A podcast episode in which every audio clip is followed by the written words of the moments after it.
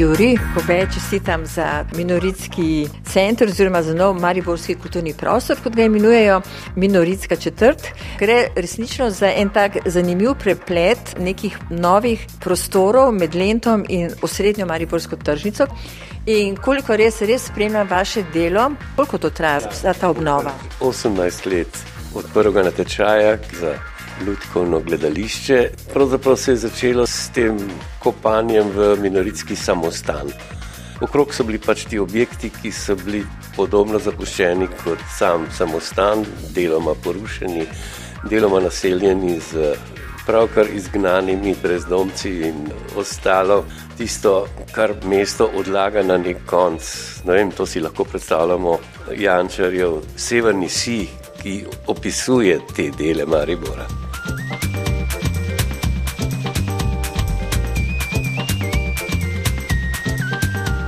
No, v tem prostoru sem celo bila in doživela nekaj ljudkovnih, ne samo predstav, ampak tudi festivalov.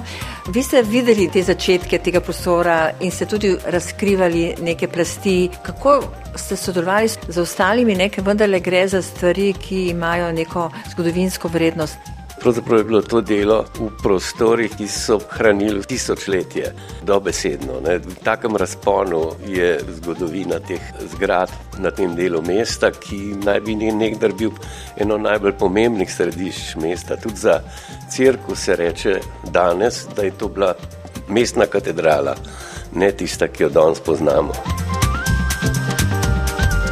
Jasno, tukaj je sodelovanje z arheologi in z spolniškim varstvom strašno pomembno. Ne? Mi vendarle nimamo vse izobrazbe, ki jo imajo oni in obratno. Smo res naleteli na srečno sodelovanje, tako da je bilo pravzaprav brez kakšnih večjih zapletov skozi vsa ta leta, lahko rečem, zgledna, saj z naše strani.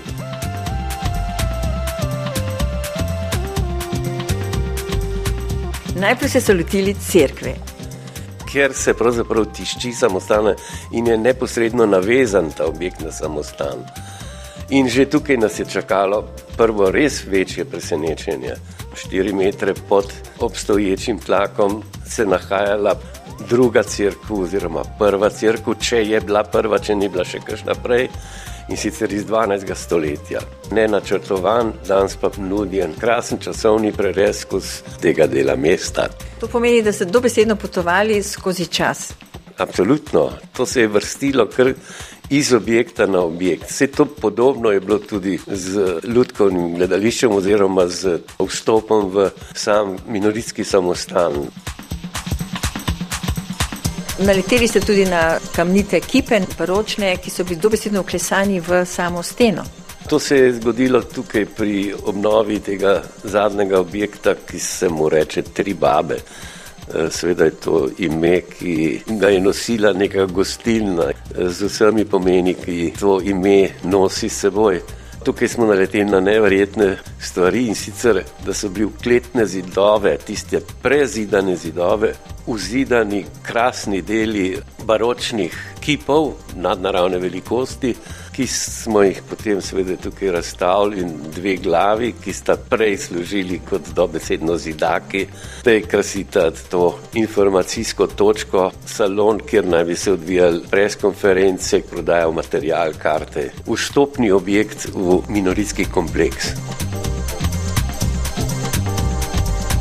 Ta minoritski kompleks, oziroma ta četrt, koliko teh prostorov zaobsega? Že v samem minoritskem samostanu, zdajšnjem ljudskem gledališču, je uradnih prizorišč sta dve, oziroma tri, če štejemo zunanji auditorij. Ampak, če pogledamo repertoar oziroma dejavnost ljudskega teatra, ki tam domuje, lahko vidimo, da imajo predstave po vseh prostorih tega velikega, ne po fizičnem obsegu, ampak po bogatstvu, raznolikosti teh prostorov, da okupirajo s svojimi predstavami do zadnjega kotička. V samem ljudskem teatru, če še zmerom tako imenujem, čeprav so predstave presegajo to ime ne vem, 20 prizorišč so že uporabili. Ugotavljate tudi kot arhitekt, da so ti prostori, zlasti tle, ki so glasbene uprizoritve, tudi zelo akustični.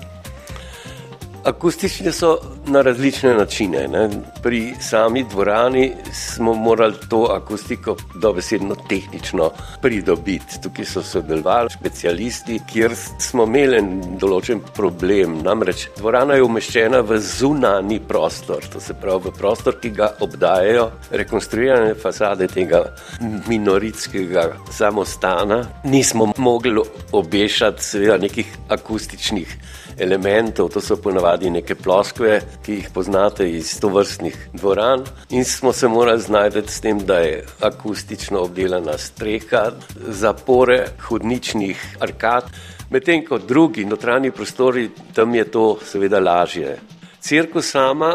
Tam smo lahko za akustične obloge uporabili tla na emporah, senčila na oknih, pohištvo, kolikor ga je bilo. Ne? To so vse neki izzivi, ki nudijo nekaj dražne. Mari bo zjutraj in prazen že, sedim na postaji in dan je prelep, nimam nikogar, svoboden kot tič. Mari bo zjutraj, ne manjka mi nič ko vas tako lepo poslušam, kolikšna pa je bila ta časovna pauza od takrat, ko je ta stvar resnično živela, pa vse do takrat, ko ste vi začeli s to obnovo. Ne? Ker po slikah, ki sem jih prej pokazali, je bilo to res zaraščeno, je bilo najbrž veliko nekih ostalih predmetov in vsega, kar ste morali umakniti, ko se je začela prenova. Ne? Ja, to je zelo zanimivo vprašanje. Moramo si predstavljati, da je ta del.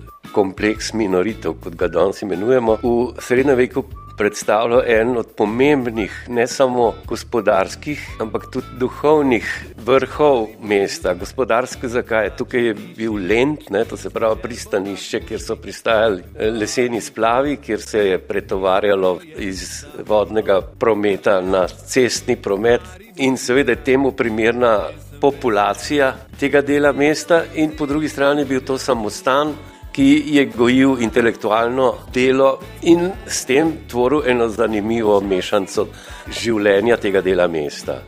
Dokler seveda ni Jožef II. koncem 18. stoletja ta samostan razpustil tako kot marsikaterega in van naselil vojsko. Zato se temu tudi reče vojašniški trg. Marsikdo ne ve, zakaj se ta trg tako imenuje. Do prve svetovne vojne je ta zadeva krasno živela na drug način, na vojaški način. Že spet so se nekatere stavbe tukaj uporabljale, ne? že spet če omenjam ali pa imamo v mislih tri babe, ki v takem okolju zelo dobro služijo.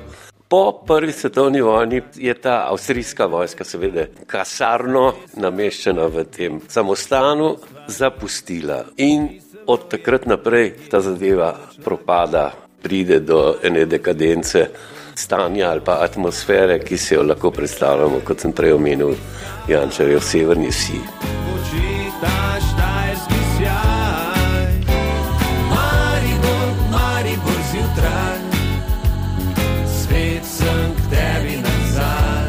Kako pa se zdaj počutite, ko je toliko tega, vsta sklop vseh teh dejanj in zgodb nekako se združil. Je projekt, ki je nekaj posebnega pri delu arhitekta. Ne?